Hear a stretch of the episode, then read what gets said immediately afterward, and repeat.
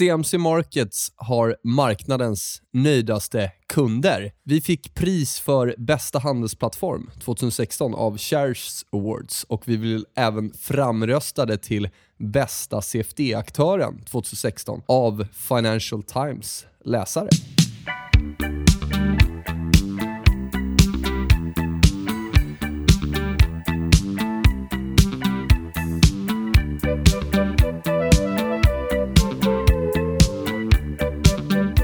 Då kickar vi igång avsnitt 22 av CMC Markets trading och finanspodcast.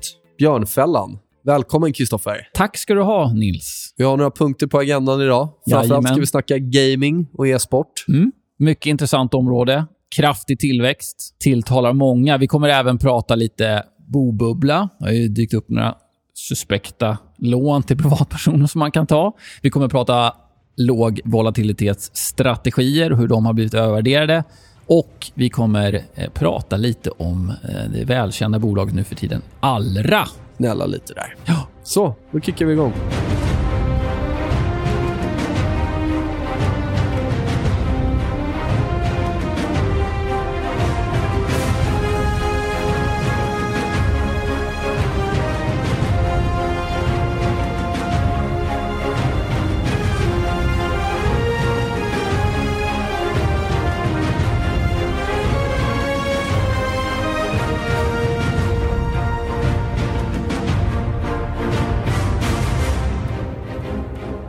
Då var det dags för första ämnet där vi ska prata lite gaming. Eh, det är ju en marknad som växer och växer och växer och så vidare. Tittar vi på 2016 så omsatte den här eh, marknaden nästan 100 miljarder dollar. Det är lite intressant här om man kollar på vilken del inom gaming som, som ökar och växer kraftigast och så vidare, så ligger faktiskt mobilspel Eh, de dominerar tillväxten. De växte med nästan 24 procent eh, årligen. Då. Om man jämför 26, eh, 2016 mot 2015. PC-spelen växte eh, strax över 4 men de ligger på ungefär samma omsättning, runt eh, 27 miljarder vardera. Men vi har den största tillväxten inom eh, mobilspel. Eh, och jag vet att du har en, det finns en liten sektor inom mobilspelsdelen, en liten persongrupp eller vad vi ska kalla det. En grupp människor som, som kör ganska Ja, hårt. nej men absolut. Alla, det verkar ju som att överlag så spelar ju eh, väldigt många eh, mobilspel. Då. Mm. Men om vi tittar på de som gör av med mest pengar och kanske därför är de attraktivaste kunderna. Eh, lite otippat kanske, men det är kvinnor mellan 35 och 45. Då. Eh, och Det kan väl finnas flera anledningar eh, till det. Då. Men ja, det blev jag lite överraskad av. Eh, och där är intressant också, det är klart att man tänker att eh, mobilspel, precis som andra spel, att det bygger på att hitta ett, ett, eh, ja, eh, någonting som folk lockas av och så vidare. Eh, och Eftersom att de här spelen i princip aldrig kostar någonting när man laddar ner dem så blir ju vikten av att man ska köpa saker. Vi kommer prata lite om in-game här snart. Eh, i, I själva spelen. då. Och Där vet jag att man lägger stort fokus på till exempel psykologer och så vidare för att hitta de här triggerpunkterna. Varför man ska lägga ett par extra kronor för att komma vidare på nivån eller vad det nu kan vara. Så att eh, det är inte bara att utveckla spännande spel utan även eh, att hitta i, ja, våra triggerpunkter. Vad som gör att vi, vi då... I början är det gratis, sen när man är fast och liksom har jobbat sig in i spelet, ja, då måste man börja betala för att få eh, komma vidare. Det är smart. Mm, låter som någon annan bransch. eh, tittar vi på tillväxten då för den globala spelmarknaden så väntas den växa fram till 2019 runt eh, 6,6 procent. Så det är ingen monstruös utveckling på det sättet. Men det intressanta här är att man räknar med att 2019 så kommer mobilspelen omsätta 52 miljarder dollar årligen, vilket är en gigantisk marknad. Där ligger eh, PC och även då eh, konsolspelen. De ligger eh, också på ganska höga nivåer, men det kommer vara mobilspelen som, som dominerar då procentuellt sett av själva omsättningen. Då. Så det är en spännande marknad, mobil. Vi kan ju säga att handhållna eh, spel har gått ner ganska mycket. Då, och med stor sannolikhet är det mobilspel som har plockat en hel del av den marknaden, så att säga. Då. Tittar man på fördelningen av var det spelas någonstans så är det ju framförallt eh, eh Asien som dominerar. Eh, de står för nästan, om man slår ihop, vad man kallar för APAC, eh, men det är Kina, Japan och så vidare, eh, står för nästan 50% av den totala omsättningen under då eh, 2016. Så där är det ju viktigt för spelbolagen att slå igenom. Eh, Asien och USA är de största marknaderna, men kan man få in ett spel som blir accepterat i Asien så har man ju en fantastisk uppsida på, den, på grund av den, liksom, eh, det enorma suget därifrån. Vem är snittspelaren då, om vi kollar lite bredare än bara mobilspel? Eh, snittspelaren, en man, 30 år.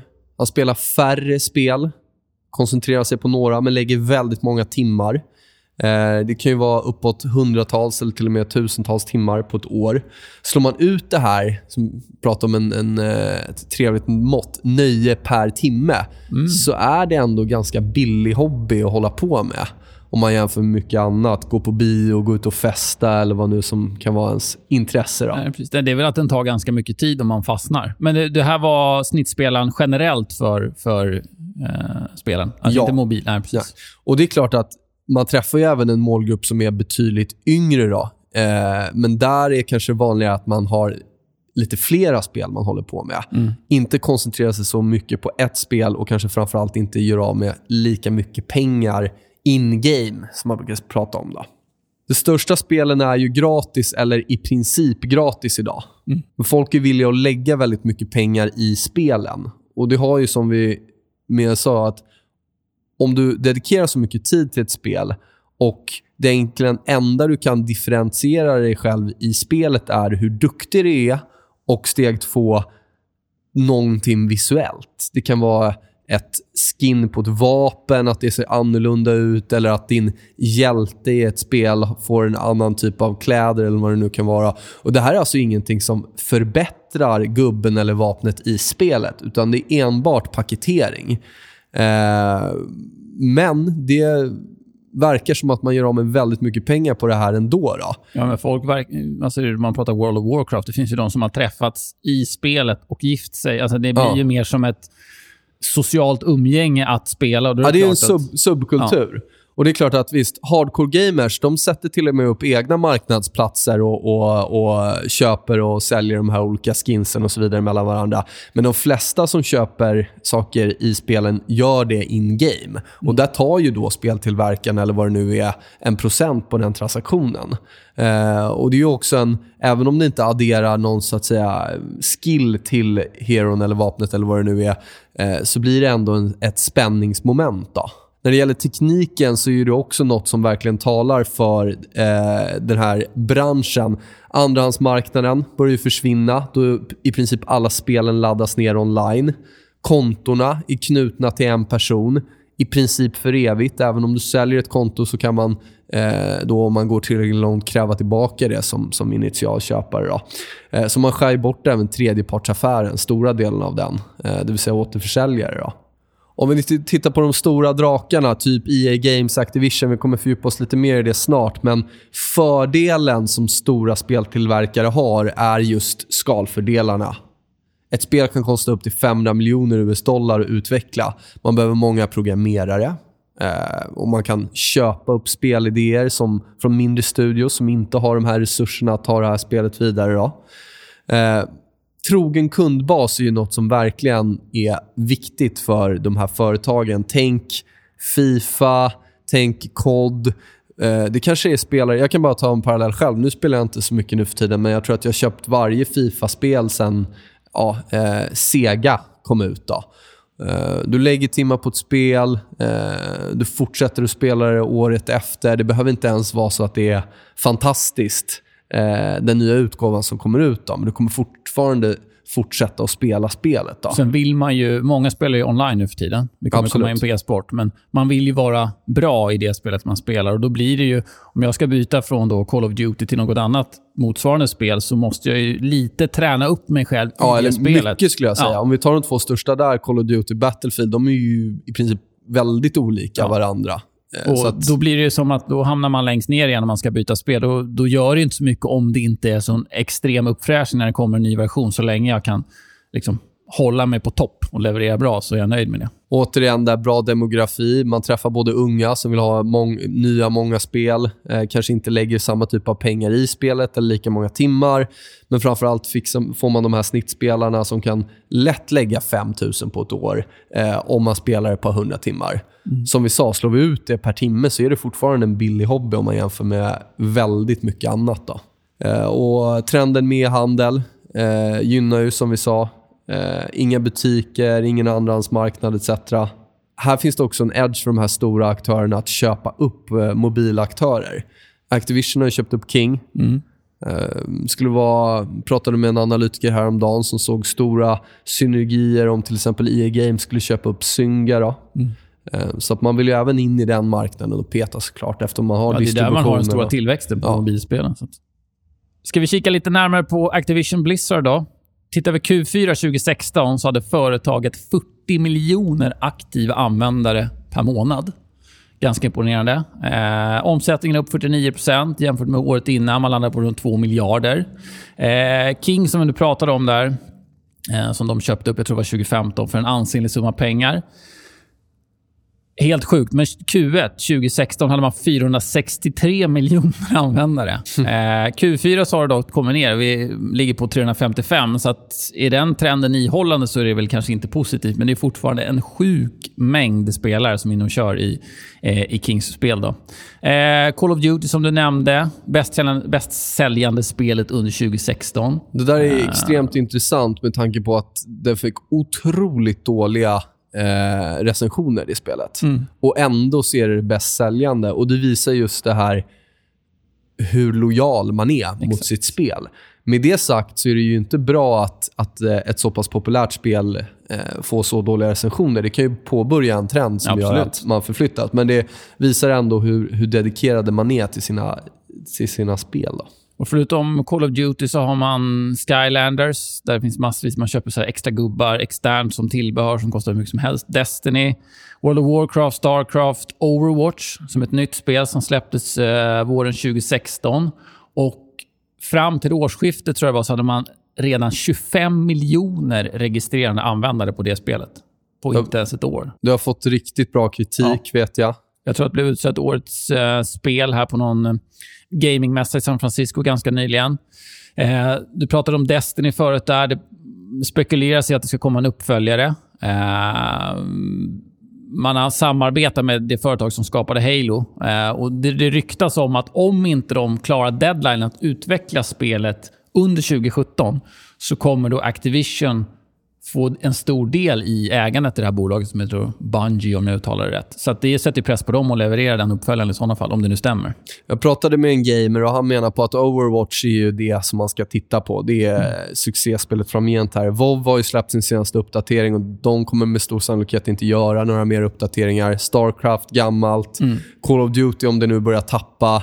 Destiny var förvisso bra multiplayer-spel, men story-modet var inte någon succé av vad jag förstått. Då. Och Det som är intressant just med den här Overwatch, det är en del av, vad ska man säga, utöver den normala tillväxten på, som Activision har, så är funderar man på att satsa på e-sport på just Overwatch. Att det, göra det, väldigt, till en grej. det har ju gått snabbt. Ja. På e-sportscenen som kommer vi se snart har ju Overwatch tagit en, ja, en tredje plats tror jag i mest populära spelade spel. Sen ska man börja reklam i King. Det har man börjat med. Eller King-baserade spelen som vi nämnde. Det hade en extremt stor användarbas. Eh, och utveckla framtida mobilspel som vi nämnde var en, stor, en, en marknad med mycket tillväxt. Och där har man ju kunskapen från King då, sen tidigare. Sen har man även köpt ett eh, bolag som heter Major League Gaming eh, för en ansenlig summa pengar, 46 miljoner dollar. Och Anledningen till att man gjorde det, det är för att då vdn sa att man vill bli liksom ISBN för e-sport, alltså den största sportkanalen i USA, fast för e-sport. Eh, så det är lite spännande. Sen har man Battle.net där man kan köpa spel och tillbehör och så vidare online. Och Som vi nämnde så är det väldigt stort. Eh, värderingsmässigt så ligger vi Eh, en bit upp. Eh, snittet ligger på 19. Tittar man framåt ett år så väntar analytikerna sig en värdering på runt 25 på P då. Avkastning på eget kapital stabilt över 10% sedan 2011, vilket är positivt. Det Activision har gjort varje gång sedan 2010 det är att de har överlevererat på analytikernas förväntningar när det gäller vinsten vilket är rätt ovanligt. Ofta brukar analytikerna ligga lite högt. Här har analytikerna varje gång legat för lågt. Så förhoppningsvis kan de överraska positivt framgent. Men det är väl lite så det är. Antingen ligger de för högt eller... Ja, men det är ändå snyggt sen Absolut. 2010. Absolut. Varje år. Och det är inte med 1%, det är liksom 26, 15, 20 och så vidare. Kollar vi på grafen så är det ju på all time high i princip. Ju- har ju gått otroligt bra, som många av de här andra spelbolagen, ska jag säga, eller gamingföretagen. Eh, 44, den är ändå relativt överköpt tycker jag. Eh, bryter vi 44 på nedsidan där, då ska vi nog ha 40. Och där tycker jag det ser väldigt, väldigt köpvärt ut enligt teknisk analys om vi kommer ner dit. Då. Eh, kan vi försvara 40 där, då är det fortsatt uppåt trend och då har fått en bra pullback i den, i den större kanalen. Jag tror att den är upp någon så här 30% i år bara. Bolagen kommer med en kanonrapport och drog på det. Om vi tar eh, den andra stora spelaren i det här segmentet, då, EA Games. Som bekant otroligt många sportspel med väldigt lojala följare. Nu är det där lite beroende på vilken marknad man är i. Jag vet att i USA så går ju NFL och NBA otroligt bra, de serierna. Det är ju väl nästan ingen som köper dem här hemma. Här är det ju Fifa då, framför allt. Då, kanske. Precis. Eh, så, så där har man eh, lojala eh, spelare som återkommer år för år. Eh, annan storsäljare, Battlefield, som många känner till och utvecklas ju av svenska spelstudion DICE, som är en del av EA Games. Då. Väldigt hypat spel som kommer ut i år, Mass Effect Andromeda. Det är en uppföljare på tidigare titel som är väldigt hyllad. Då. Man äger ju även rättigheterna till Star Wars-spelen, Need for Speed, UFC som jag är tycker det är väldigt roligt. Det är princip lite. Ja, det enda spelet jag spelar faktiskt nu för tiden. Då. Och som jag nämnde, en eh, potentiellt intressant uppköp via Games hade till exempel kunnat vara Zynga, då, Mm. eh, mobilutvecklare. Och det hade kunnat skapa fina synergier där. Rent eh, tekniskt, om vi kollar på TA'n, eh, så handlas vi väldigt nära all time high, 88. Och nu Eh, ja, 83 eh, på nedsidan då, sitter jag och kollar på. Kan köpare försvara den nivån? Potentiellt ska vi ta ut 100. Eh, bryter vi 83, ja, men då kan vi söka oss ner mot 70. Då, och där ser det fint ut enligt teknisk analys om den nivån håller. Ehm, då skulle jag börja bli intresserad om vi kommer ner dit. Då. Nästa spelbolag, NetEase, som kanske inte är världskänt i Sverige, men det är ett eh, kinesiskt bolag. Eh, växer kraftigt. Femårssnittet runt 33% per år. senaste tre åren har man växt 40% per år. Eh, vinsten växer strax över 20% per år, vilket är väldigt starkt. Har gjort de senaste fem åren i snitt. Då. Eh, det är ett stort bolag. Eh, market cap 33 miljarder dollar. Eh, de är beroende av sina spel. De har även andra saker, men runt 70% av omsättningen i bolaget är spelrelaterat och av de 70 procenten så är faktiskt 60% relaterat till mobilspel. Så återigen kommer vi tillbaka till den sektorn som växer väldigt kraftigt. Eh, de har ett partnerskap med Activision eh, där man distribuerar då några av deras storsäljare, fast man gör det i Kina. Eh, World of Warcraft, Starcraft 2, Hearthstone, Diablo 3, det är väl inte superhett eh, längre kanske, men Overwatch också då som vi pratade om, som var en riktig hype. Eh, som sagt, det blev klart i maj och bara i Kina så har man sålt fler än 5 miljoner titlar av då Overwatch. Så det verkar vara en riktig dundersuccé. Eh, man har tecknat avtal 2016 med eh, eh, Microsoft, eller då ehm, ja, att sälja Minecraft i Kina.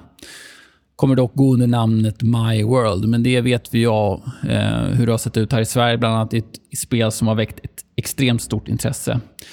Värderas i dagsläget till P 22 Framgent, så eh, rullande ett år, så tittar man på runt 19. Då, så det är inte heller någon lågt värderad rackare, men de har ändå en, en fantastisk tillväxt i omsättning och vinst. Och det har haft en fantastisk kursutveckling, eh, det här företaget. Den gjorde ju all time high i februari i år, kring 280. Eh, nu är vi förvisso väldigt överköpta då, enligt teknisk analys. Så ett test av 270 vore inte alls otroligt. Bryter vi ner där tycker jag att 250 ser superspännande ut om det kan hålla ihop. då. Eh, botten av den lite större eh, trendkanalen som vi handlas i just nu. Då tar vi oss vidare till andra delar av världen. Nu hamnar vi i Polen. En polsk spelutvecklare som heter CD, CD Projekt Red. Nu är upp 260% sedan 2016. Det är respektabelt. Det är helt okej. Tråkigt att man missat den resan. Eh, de har ju en, eh, ett spel som heter Witcher. Eh, den serien har varit en fantastisk succé. Man har sålt totalt 20 miljoner titlar. Witcher 3, som nu är aktuellt, har fått en mängd priser. Superhyllat spel och fantastisk prestanda vad jag förstår. Precis. Mm. Och det är ju en polsk spelutvecklare, men de har runt 95% av all omsättning kommer ändå ut utanför Polen, så att säga. Så de är beroende av tillväxten på de eh, globala marknaderna. Eh, man har GOG.com, som är en onlinebutik för spel och tillbehör, typ som Steam. Um, har väl inte riktigt tagit fart som Steam, av förstår, uh, förklarliga skäl. Men om den kan växa uh, så finns det en intressant intjäningspotential. 90, 90, 98 ska jag säga, procent av försäljningen därifrån kommer ju då från uh, utländska, från andra länder än Polen. Då, så att mm. Den gjorde faktiskt också all time high i februari, här, precis som Netis. Då. Eh, toppade ur på 77. Nu handlas vi till 74. Jag sitter och kollar på 67 på nedsidan. Eh, skulle den brytas, eventuellt att vi ska ner och testa 50 på lite längre sikt. Då. Men det är två nivåer som jag skulle hålla koll på mm. eh, för att plocka upp den här aktien. Bra momentum och har handlats fint eh, tekniskt också. Då. Den är ju väldigt spännande. Dels om vi kommer ner tekniskt, men som jag nämnde, en väldigt stor del av deras försäljning kommer utanför Polen. Och man har endast 8% av försäljningen från Asien. Men Asien är den marknad som växer överlägset kraftigast. Så kan man bara komma in där så ser det väldigt intressant ut. Och Bolaget är riktigt offensiva vad gäller vinsttillväxten. 2015 för hela året landar man på eh, 342 miljoner eh, polska zloty. 2019 så är målet att landa runt 620, det vill säga nästan en, dag, en dubbling av vinsten eh, fram till 2019. Sen så har man ännu aggressivare mål om vi tar, tittar ännu fram, längre fram i tiden. Men kan man nå det så, så ser det verkligen intressant ut. 2015 då var P talet 7,7. Då var det inte så många som visste vilka det här var. 2016, 20 och idag är vi på 23. Så det har ju värderats upp kraftigt då i takt med att marknaden har fått reda på eh, liksom, framgångssagan kring bolaget. Take-Two Interactive, det är ett annat eh, stort företag och man kanske mer känner igen dem som Rockstar. Eh, har gjort en hel del fina titlar eh, så länge jag har hållit på med tv-spel i alla fall. Släpper ett spännande spel i år, Red Dead Redemption 2, där ettan var fantastiskt spännande eh, vilda västern pang-pang-spel.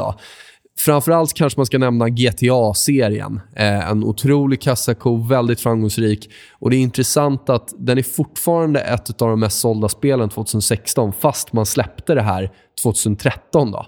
Mm. Ja, det är ju sjukt. Ja, det är, det är rätt galet. Rent TA-mässigt så är den ju upp 600% i princip sen man släppte det spelet. då. Eh, 2012-2013 där. All time high handlas den nu kring runt 60, men den är rejält överköpt som i princip alla av de här bolagen i den här sektorn som vi kollar på. Eh, 54 på nedsidan ser intressant ut. Eh, håller det ihop kan vi få testa toppar igen. Skulle 54 braka, men då sitter jag och kollar på 40 på lite sikt. Då. THQ, en ganska nyligen noterad aktie som jag tycker är intressant. Vi har den inte i vår plattform, men den går att finna där ute. Eh, köper upp mindre studios eh, och utvecklar spel. Eh, och de köper även spel från större aktörer, typ EA Games, Activision. Titlar som de stora bolagen inte bedömer har den här gigantiska potentialen. Så där har man hittat en ganska trevlig mellannisch och eh, ja, plockar upp intressanta case från både uppsidan och nedsidan. Då.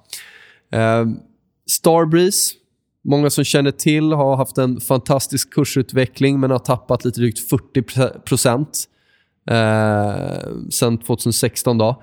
Intressanta titlar under 2017 här. Raid, World War 2, antagligen Q3. Deliver Us to the Moon, ett indiespel som har varit rätt omskrivet, Q4. Och sen kanske den mest spännande releasen då, Overkills, som har publicerat för Starbreeze eh, The Walking Dead-release. Q4. Eh, jag gillar Starbreeze tekniskt.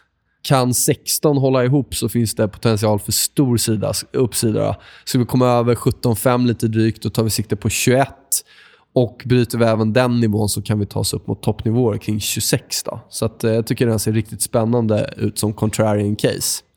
Eh, bryter vi 16 på nedsidan får man nog vara lite försiktigare. Playstation är fortfarande störst. Eh, de har ju bland annat Horizon Zero Dawn som är exklusivt för PS4. Så ska man spela det så, så behöver man en PS4. Då. Eh, de har även varit relativt duktiga på VR, virtual reality. Eh, totalt sett så var ju inte VR någon succé under 2016. Man förutspådde att det skulle bli väldigt stort. Eh, bland annat Oculus då, som är väldigt, väldigt kostsamt. Dels behöver du en dator för typ 20 000 kronor och sen ett par glasögon som kostar typ 4-5 tusen. Då. Så där var Playstation ändå ett billigt alternativ. Man hade konsolen, man kunde köpa glasögonen för några tusen. Tittar vi på Xbox Microsoft så har det gått riktigt dåligt för Halo-serien får man ändå kolla. Det var ett av de mest populära spelserierna förut och det har inte blivit bra alls.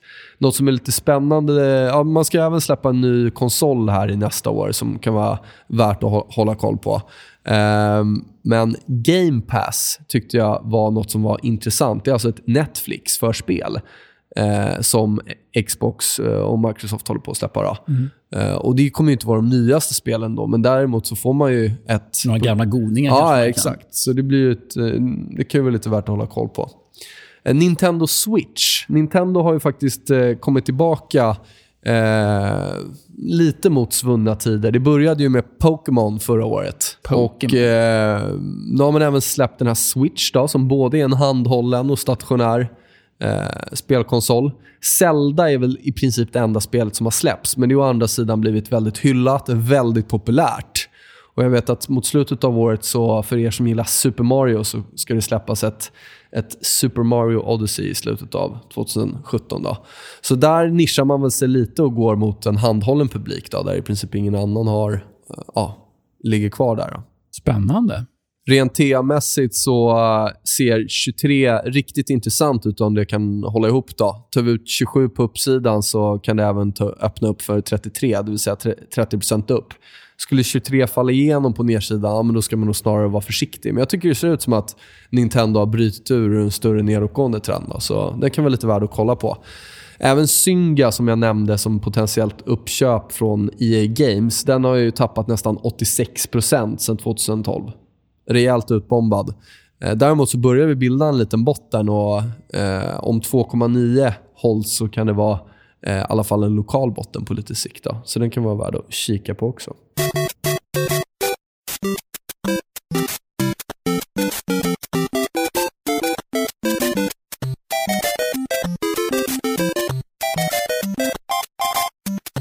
Då kommer vi in på nästa ämne som har med gaming att göra, men nu ska vi mer fokusera på e-sportsdelen. Eh, den, eh, ja, man kan väl nästan utnämna honom till världens mest kända Counter-Strike-spelare genom tiderna. har ju dykt upp i Mästarnas Mästare, så det kanske ligger i tiden nu att e-sport blir eh, stämplad som en sport och inte som en hobby. Jag vet inte. Men tittar man på vad, vad de här eh, personerna drar in i vinstpengar så, så får det ändå anses vara någon form av professionell sport. Nu är det ju Dota 2 i de som dominerar top earner-listan, men han som ligger högst upp, eller hon, jag vet faktiskt inte om det är en tjej eller kille. Drog in 2,7 miljoner dollar förra året och det här är bara vinst, alltså prispengar. Det är inte spons eller liknande. Och tar vi oss ner till ändå 500 plats där vi faktiskt har en svensk eh, spelare så drog den personen in 105 000 dollar. Så det, det, blir, det är ganska bra kassaflöde på de här uh, turneringarna och om man lyckas uh, uh, dominera där. Sen så 2016, intresset för e-sport växer ju kraftigt. NBA-bolaget, NBA-laget Philadelphia 76ers köpte en stor klan som hette Team Dignitas. och Det de har gjort är att de har gjort liksom...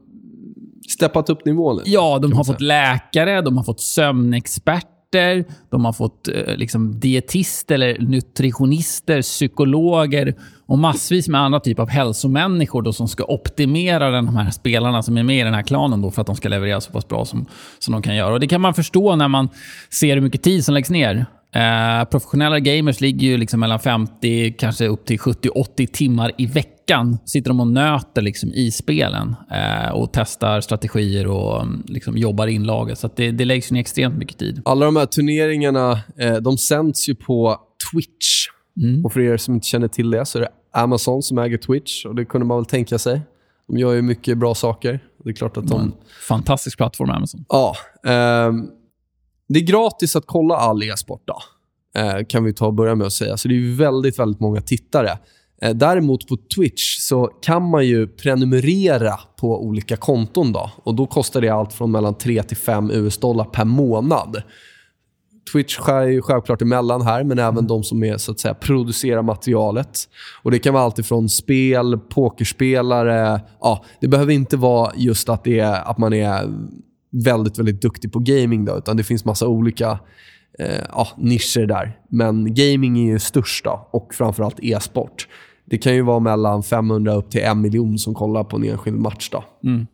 Det är helt sjukt vilka Det är galet. Mm. Många av de som eh, håller på att titta på e-sport, de spelar kanske inte ens spelen. Visst, de kanske har provat spela, men det behöver absolut inte vara så att man är extremt insatt. Man kan dra till en parallell. Du kollar ju mycket fotboll, men du mm. spelar inte så mycket fotboll. Precis. Jag ska faktiskt erkänna att jag tror att det var om det var Kunskapskanalen som sände någon sån här stor Counter-Strike-tävling för inte så länge sedan. Jag spelar inte Counter-Strike längre, men jag tyckte det var jävligt kul när jag var lite yngre.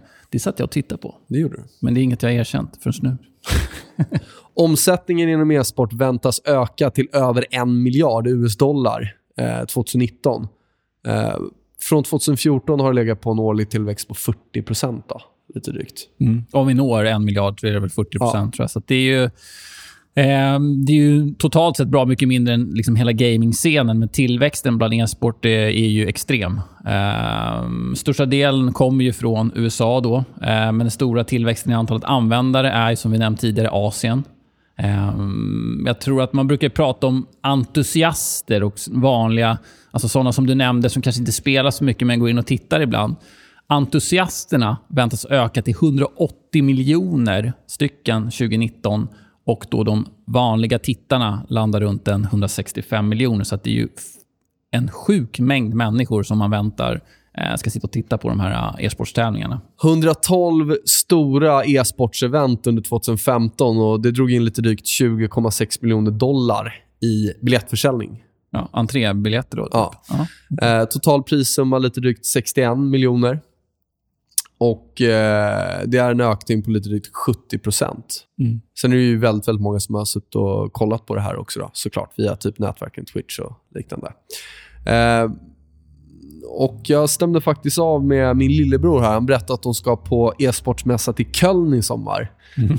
När jag var yngre så ville man åka till Ibiza på sommaren. Eller, eller, li eller liknande. uh, ja, jag vet att du gillar Ayia Napa, men jag, jag gillar Ibiza. Uh, men i alla fall så betalar man mellan 100 och 300 euro för en sån här biljett per skalle. Och så får man bo i något tält då, och så sitter det 10 000 pers och kollar på eh, när folk spelar. Ja. Jag vet att DreamHack det startade ju i Sverige och det började ju med som ett stort LAN. Då. Man tog med sig sina datorer och satt och spelade. Så var det väl någon turnering där. Men det här har ju tagit helt andra proportioner. Ja, ja. Nu är det ju liksom det är därför man åker dit. Jag tror inte ens var... man har med sig sin dator dit, utan man sitter och tittar. Sen bygger väl, de väl upp något, något sporadiskt LAN där. Då.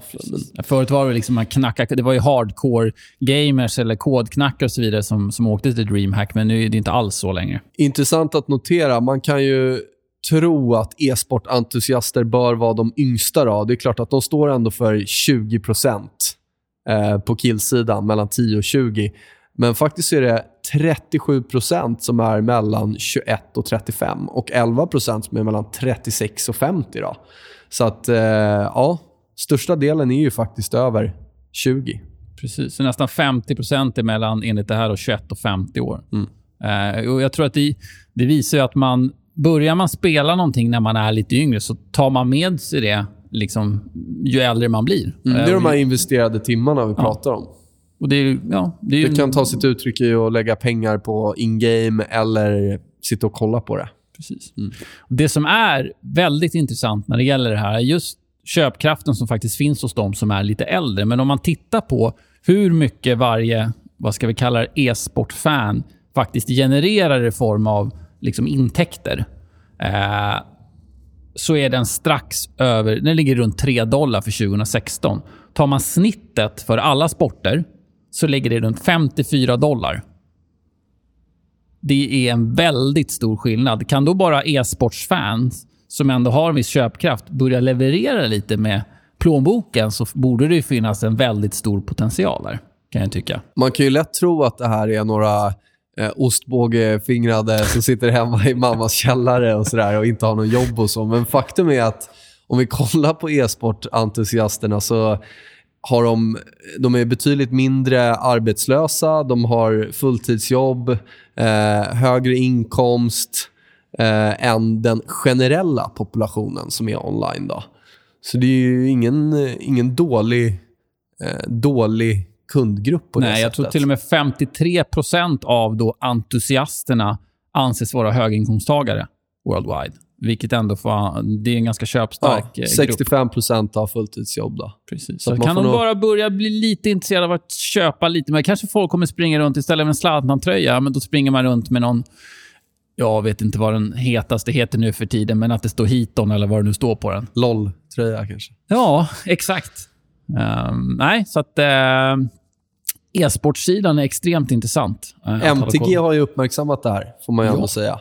De har ju varit eh, duktiga på att ge sig in i den här marknaden och faktiskt eh, för ett par år sedan, då, eller ja, de var hyfsat tidiga. Du hade kollat lite där på MTG. Ja, det är framförallt MTGX. Fortfarande är ju e-sportsdelen en väldigt liten del av det totala, men man har ändå en egentligen dedikerad del i MTG, som då heter MTGX, som ska ta hand om e-sportsdelen. Eh, 2015 köpte man en väldigt stor andel eh, av ett företag som heter Turtle Entertainment som äger då världens största e-sportsorganisation som är ESL. Eh, Det kan vara värt att säga där att ESL är ju i princip Champions League av Ja. e-sporten.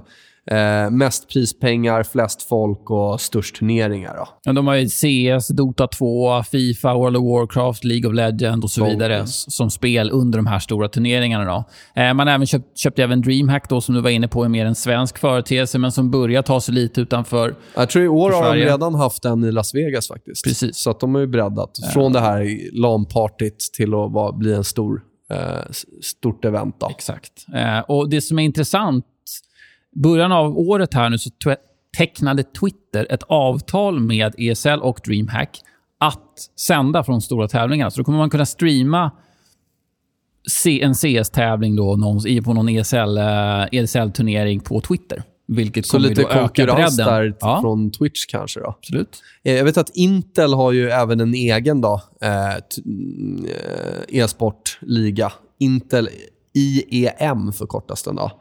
Eh, och där kör de framförallt LOL och CS. Mm. Största spelen när det gäller e-sport generellt, det är om vi inte redan sagt det. LOL, League of Legends alltså, Counter-Strike, Overwatch och Dota. Så intressant som vi sa tidigare att Overwatch som är Blizzard Activisions flaggskepp får man ändå säga nu, eller kommande flaggskepp här, att det har tagit så snabbt eh, blivit det tredje största spelet. Tittar vi på MTGs omsättning, vad, vad e-sportsdelen står för i MTGs omsättning, så räknar man med att det kommer landa runt en miljard eh, för hela 2016 när det blir klart. Det är fortfarande så att man, man satsar ju ganska mycket på det, så det har inte börjat generera någon vinst än. Men med tanke på tillväxtpotentialen i eh, liksom marknaden som sådan så ser det väldigt en, intressant ut att man ändå har breddat sig till det segmentet. Eh, man har startat ett samarbete med ett bolag som heter Silver TV, eller Silver.tv. Eh, vilket gör att man kan sända de stora e-sportstävlingarna eh, i ett VR-format. Eh, som vi var inne på, VR har väl inte riktigt slagit så som man hade trott på grund av höga kostnader. Men det visar ändå att det finns en, en potential för utveckling inom området då när det väl slår igenom. Man har också förvärvat eh, ett tyskt bolag som heter InnoGames, eller 35% tror jag man köpte. Eh, just för att eh, komma in på de mobila eh, spelen. När det gäller MTG, där om vi kollar rent grafmässigt, så kan det vara så att den vände trenden, den större nedåttrenden i hösten 2016. Då. Eh, 290 blir viktigt där. Om det bryter ner så kan vi få se 260. Och Där börjar det se väldigt intressant ut tyckte jag för ett köpläge om de nivåerna håller ihop. Då testar vi alltså det här utbrytet från eventuella trendvändningen i höstas. Då. Eh, bryts 300 på uppsidan kan det ta av ordentligt.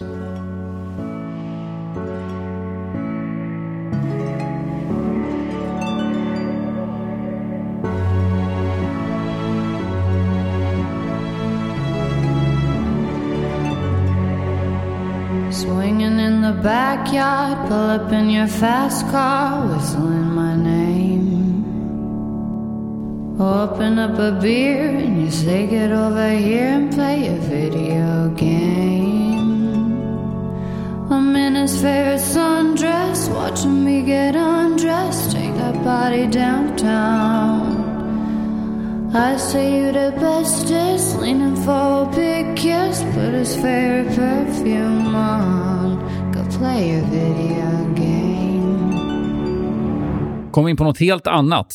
Eh, lågvolatilitetsstrategier, som det så fint heter. Eh, det är ju, vi har varit inne på det i tidigare poddar, men det är ju någonting som har dragit till sig ofantligt mycket kapital på grund av extremt låga räntor. I många lågvolatilitetsstrategier så finns ju utdelningsbolag och så vidare. Men det här har gjort att de har kommit upp på extremt eh, höga värderingar utifrån hur det sett ut historiskt. Eh, jag jämförde en av de största lågvolatilitets-ETFerna med en av de största ETFerna som fokuserar på små tillväxtbolag.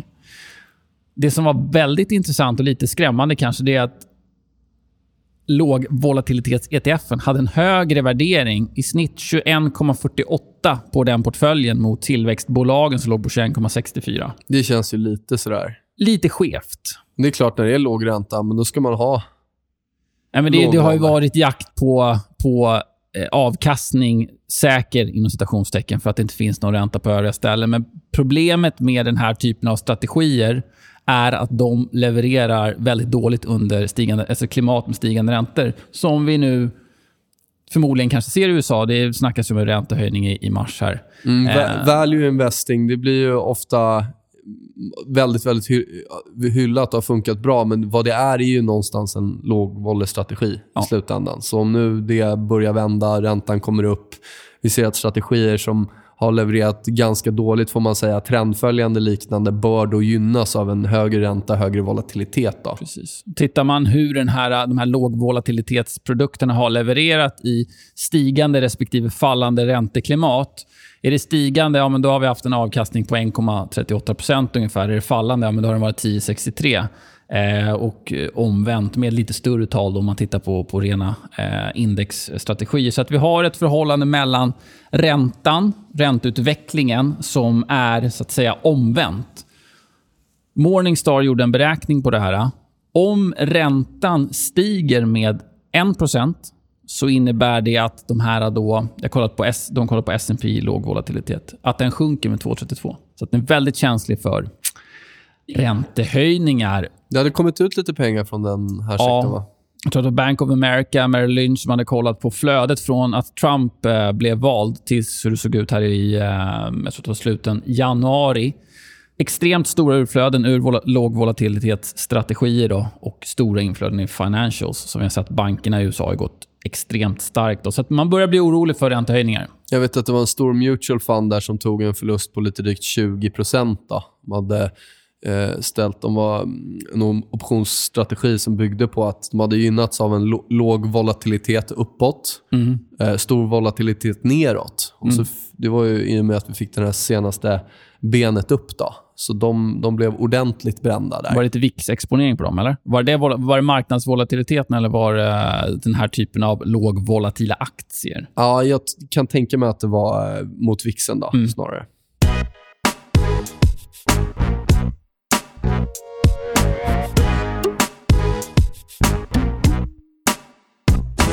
Ja, det är väl få saker som är så populärt som att diskutera när bobubblan spricker i Stockholm och Ja. övriga Sverige kanske. Men det är...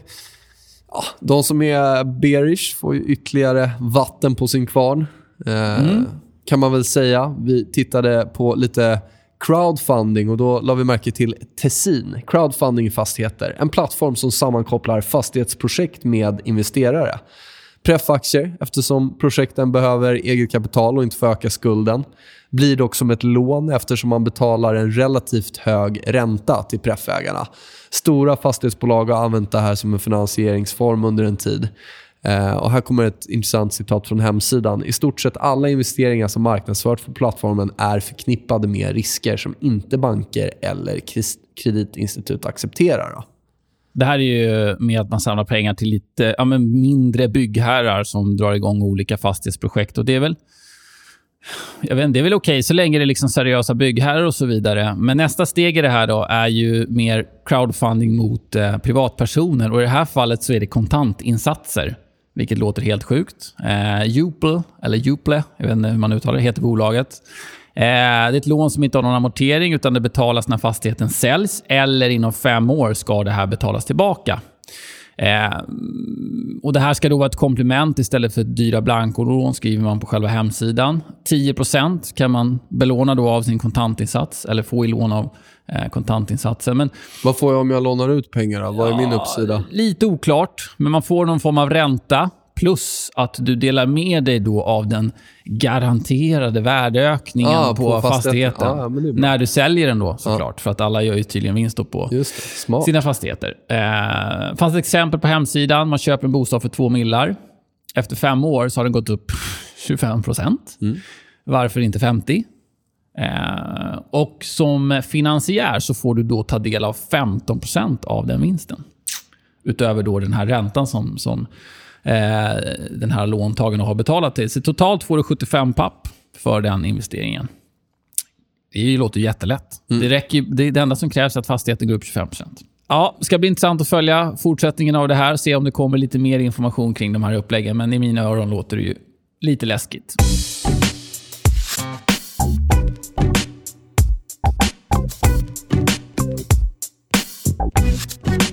Så kommer vi in på... Ska vi gnälla lite här, eller? Vi kanske slår in öppna dörrar nu för sig, men Allra. Ja, vi är väl inte först att prata om det, men det känns som att det finns lite man kan prata om där. Ja. Vad är det som har hänt?